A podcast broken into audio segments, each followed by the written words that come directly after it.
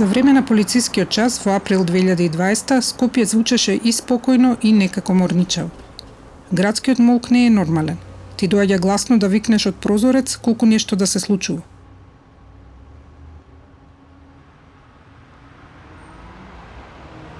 Кога ќе падне ноќта станува уште понеобично, секој звук е поакцентиран. Но еден од нив смируваше и покажуваше дека во градот уште има живот. Цупкањето на кучешки шепи по тротоарот и чекорите на нивните собственици. Ним за време на најстрогиот карантин им беше дозволено да излегуваат три пати дневно. Добар момент за човек да се замеша во тоа привремено раздвижување и незабележан да фрли ѓубре. Се слушнаа и моабети за луѓе кои позајмувале кучиња од комшиите за да може да купат цигари на дежурната бензинска.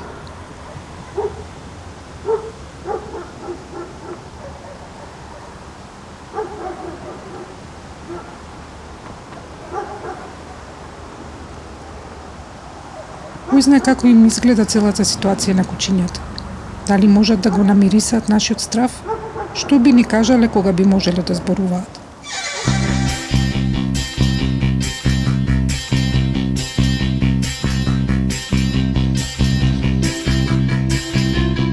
Јас сум Илина Јакимовска. Во оваа епизода од подкастот Обични луѓе сакаме да дзирнеме во така нареченото кучешко лоби, една цела урбана субкултура чии членови сепак имаат засебни и уникатни приказни. А истовремено колку што е тоа можно да го откатнеме и кучешкиот светоглед. Георги отиде да го поправи компјутерот и се врати само. Ова е Јулијана не собственик, туку како што самата вели сопатник или содружник на неколку хаски кучиња.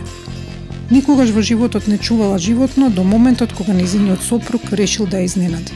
Тоа беше 2000-та заедно со една пријателка Тања отидоа кај нивни пријатели да го поправат компјутерот и неговата приказна е дека му се стрчале 8 хаски во тоа фирмата за компјутери во просторијата. Го побарал тоа што е нај некомуникативно, што идоло на страна, а му рекле дека проблематичен, бидејќи три пати го до тогаш го враќале. Значи, ке го земат, па не можат да се справат со него, па го враќаат и рече ќе го земам, па ќе видиме Јулијана дали ќе прифати на проба. Го донесе, звонеа на врата, отвори, се стрча Амон внатре, беше кученце од 2-3 месеци. И толку. Амон 15 години бил дел од семејството Јолевски. Откако не пцовисел, туку починал, во домот настапила невообичаена тишина. Неја пополнила уште една хаска, леда, а потоа и незините пет кученца. Со четири од нив со тешко срце се разделиле, а едно задржале. Кученцето кое три часа се мачеле да го извадат од мајка му и мислеле дека е умрен. Ама Ледор, синот на Леда, преживел.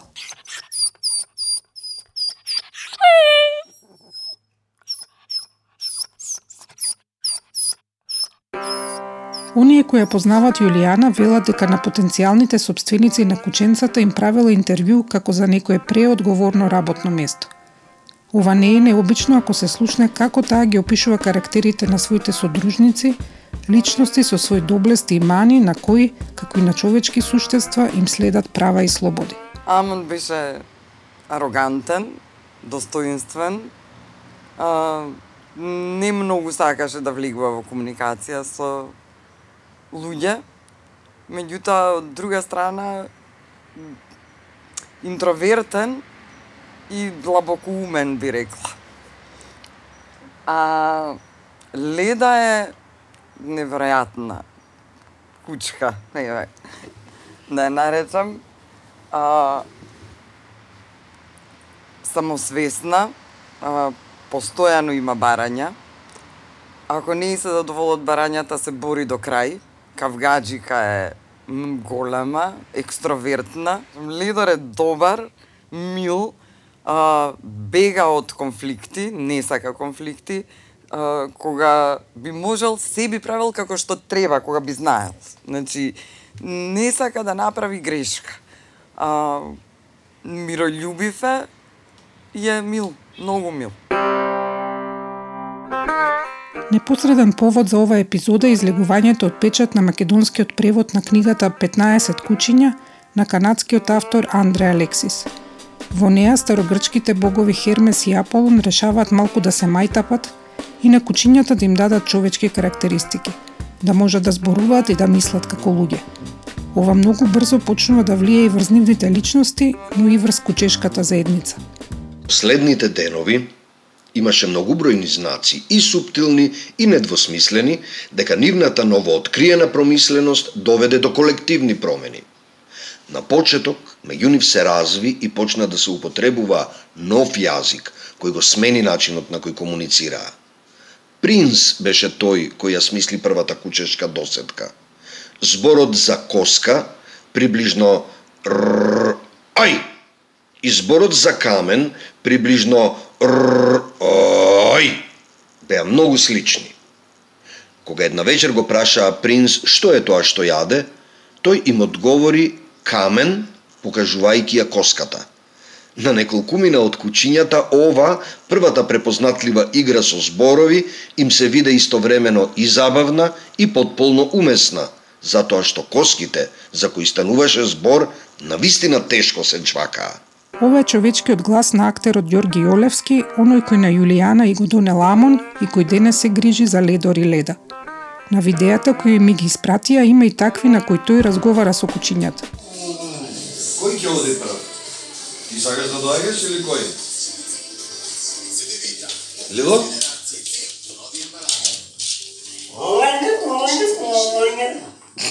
Кој ќе оди прво? Сакаш ти да додеш или Леда да оди? Лило? Ајде. Дали на вистина луѓето и кучињата можеат да имат заеднички јазик, да се разберат? Ако ме прашаш дали се раз, разбирам подобро со луѓе или со во конкретниот случај со кучињата, би рекла дека подетнакво не се разбирам и со едни и со други, А, со тоа што со кучињата многу е поедноставна комуникацијата. Непрактично. Мислам, не дека е различно, дека ние функционираме на тие принципи на потрага по задоволство и одбегнување на болка, меѓутоа кај нив е тоа многу поексплицитно, многу појасно ти е какви барања има од, од тебе, многу е почиста комуникацијата, многу е поедноставно со нив да се да се разбереш. Кога почнав да ја правам оваа епизода, мислев дека работата е прилично јасна.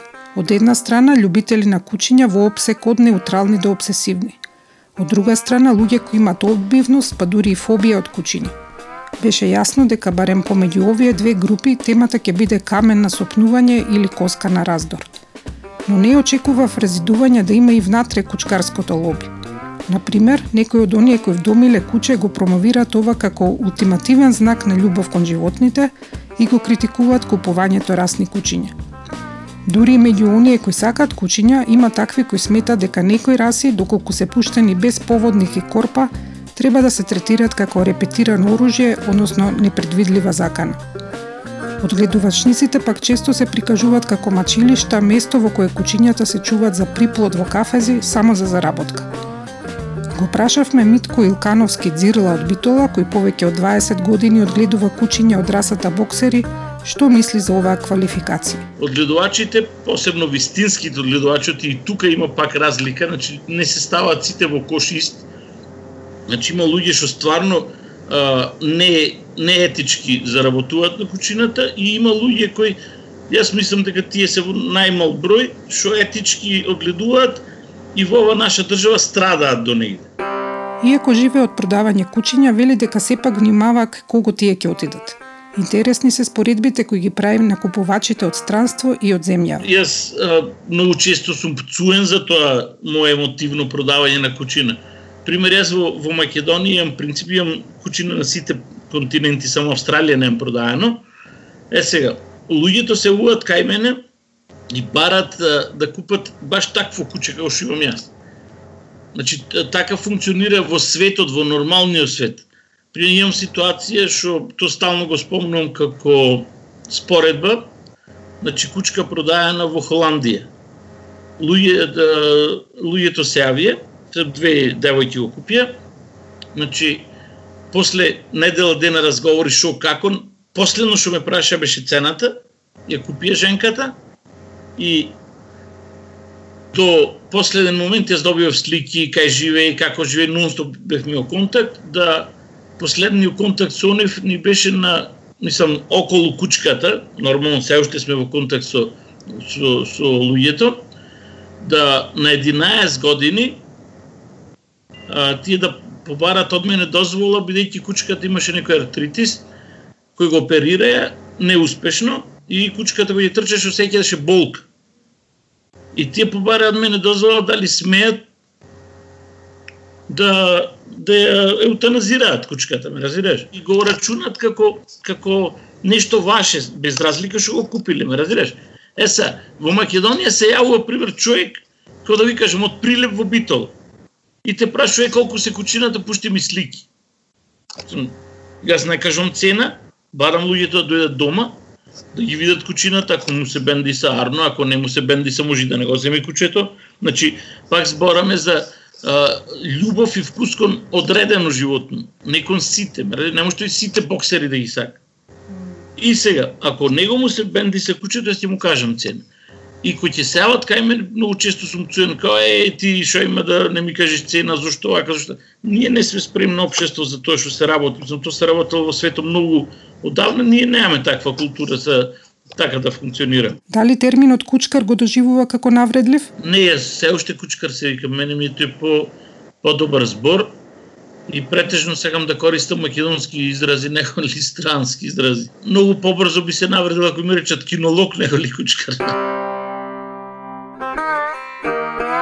Оние кои ја познаваат Бранка, а јас ја знам од дете, никогаш не би помислиле дека таа во зрели години ќе почне да чува куче. Сите забележавме дека и се случи пресврт кога таа и Зоц почна да го чуваат лабрадорот Джуно. Дефинитивно и таа голем пресврт за мене и како личност и како жена, да кажам, а животни секогаш сум сакала, дури сум чувала мача многу одамна, А, меѓутоа, поради некои предрасуди, дали дека нашите родители, моите поточно не чувале животни, мислев дека не сум способна и не, не сум одговорна личност за да чувам животно, особено во стан. Така да се случи многу одеднаш, го добивме Джуно како подарок од наши добри пријатели ветеринари а, за роден ден, така да беше непланирано. А, меѓутоа, штом го видов, немаше дилема воопшто дали сакам да го задржам или не. Помеѓу другарките често коментираме дека таа, а и некои други жени собственици на кучиња, им се обраќаат како на своји деца. Сине, злато мајкино, дојде кај мама.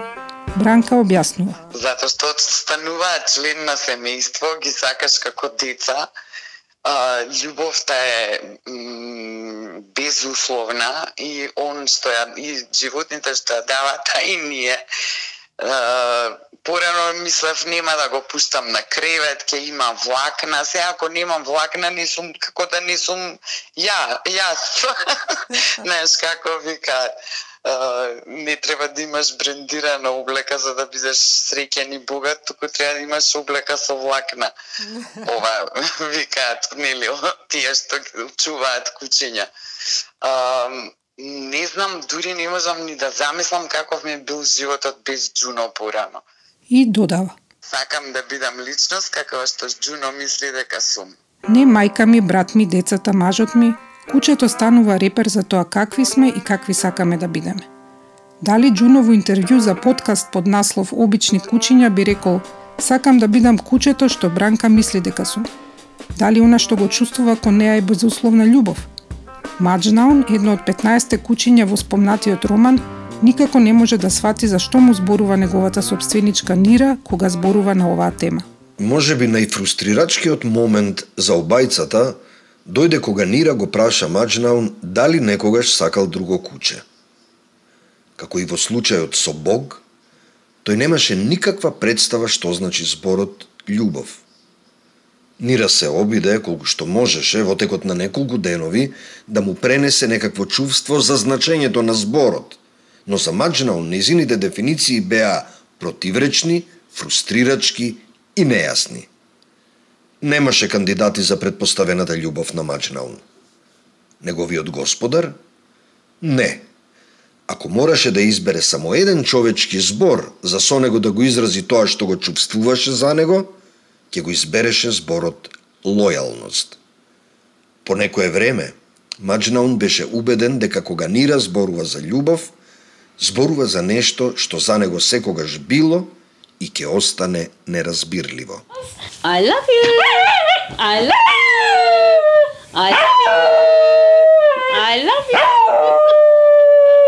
Рундо, Роли, Чапо, Беки, Ребел, па имаше една кадивка со три кученца, ама сега во меморијата ми останали само како дебелки суштества, имињата сум ги заборавила нормално. Па Гордон. Ова е мајка ми Љупка, дефинитивно најголем љубител на животни што го познава. Ова во рамките на семејството било и благослов, но и оптоварување. Колку само кучиња сме исплакале затоа што биле прегазени, отруени или умреле од природна смрт.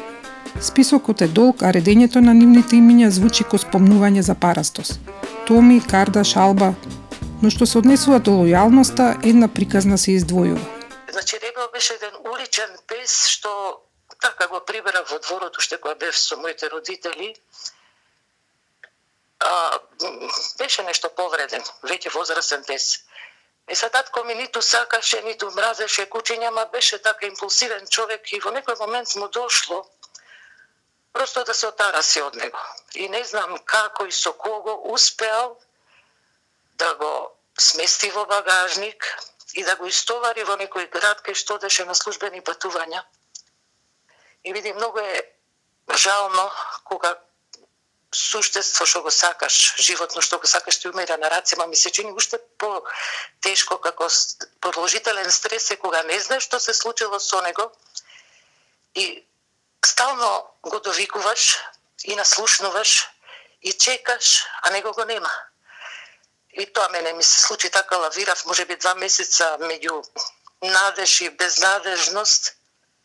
И еден ден просто знаев дека е тука. И истрчав во двор и навистина го најдов таму коска и кожа и со уши а, а, разресени и со муцка расцепена. И се растрчав со некои садови, со храна, со вода, ама тој не ја прими понудата, не, не не ни ја помириса, туку само ми ја стави главата во скут и почна еве веруе да плаче. Оваа случка до некаде е разбирлива затоа што мајка ми предходно го чувала Ребел. Но уште поинтересно е кога одиме по улица и одеднаш куче, појдено по својот пат, ќе ја издвои од другите минувачи. Просто ќе ми издвои, ќе трне кон мене, или срамежливо или повесело, зависи се нели од неговото животно искуство, темпераментот, од од искуството што го има. И ќе трне кон ќе дојде, па ќе мафта собаш. Па како, како нешто се израдувало. А ниту носам храна, ниту го повикувам. Па уште ако во околината има негови другароти, нели по град, ти се движат по институт на Чопор, обично по некој кумина, па уште со некој немушти јазик им каже на другите, еј, пријател, па сите ќе дојдат, па сите ќе се поздрават и цела свита ќе ми испрати до влез.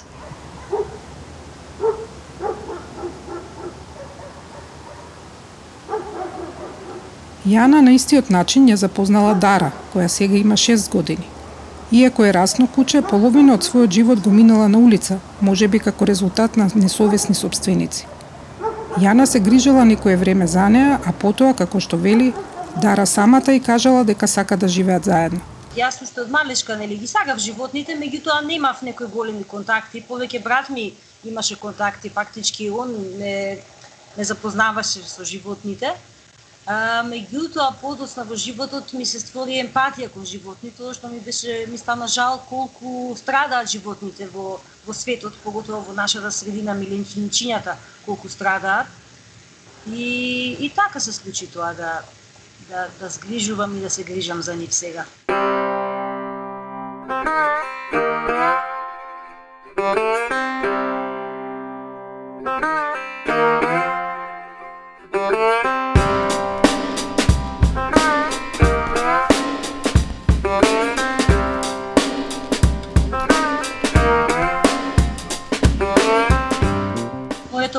Rescue, прво куче кое што сум го спасила од улица, сосема случајно и сосема случајно го вдомив, односно она сакаше да ја вдома, но она и рече дека сака да живее со мене и така така испадна сосема сосема непланирано. Јас мислев дека никогаш нема да можам да имам куќе затоа што е огромна обврска, нели? Куќе кое што било напуштено од собствениците и кое што се снаоѓало најмалку две години на улица, секој циклус раѓало бебиња и ете така еден ден се случи да да залута во аеродром кај што живеев јас и јас да ја забележам и да, да, да ја згрижам, да ја спасам и после и да ја вдомам.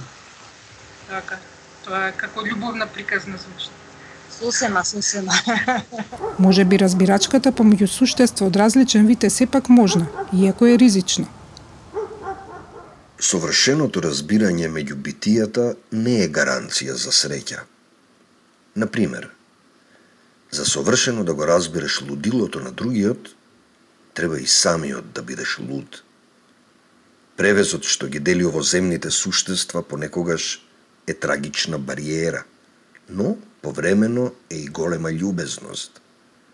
Всушност, единствените суштества што можат да постигнат совршено взаемно разбирање се боговите. Вака вика Андре Алексис, авторот на 15 кучиња, книгата што ни беше инспирација за оваа епизода. Но ние му контрираме. Моето куче се вика Стрелка и уште малку ќе полни е, една годинка и јас многу ја сакам и првите два-три дена е, ми беше тешко и стресно и после се навикнавме пошто она е, малку по малку почнува да разбира и јас многу сакам кога играме заедно, кога јас ке се, се покријам целата со кебле, а она ке ме купа. Тоа е многу интересно и смешно и многу е она смешна, која прави смешни ствари нешта и така многу ја сакам и, и многу сакам да ја гушкам. Ова е мојата именјачка 8 годишната Илина. Сите рационализации што досега ги направивме на односот помеѓу луѓето и кучињата ни паѓаат во вода после незината изјава. Две живи суштества што совршено се разбираат. И во таа спрега ја наоѓаат својата мала среќа. Ја слушавме шестата епизода од подкастот Обични луѓе. Јас сум Илина Јакимовска, продуцент Бојан Угриновски. Книгата 15 кучиња можете да ја купите на сајтот купикнига.мк и во локалните книжарници. На тој начин ќе го поддржите и овој подкаст. При снимањето на оваа епизода не беше повреден ниту еден човек. До следната.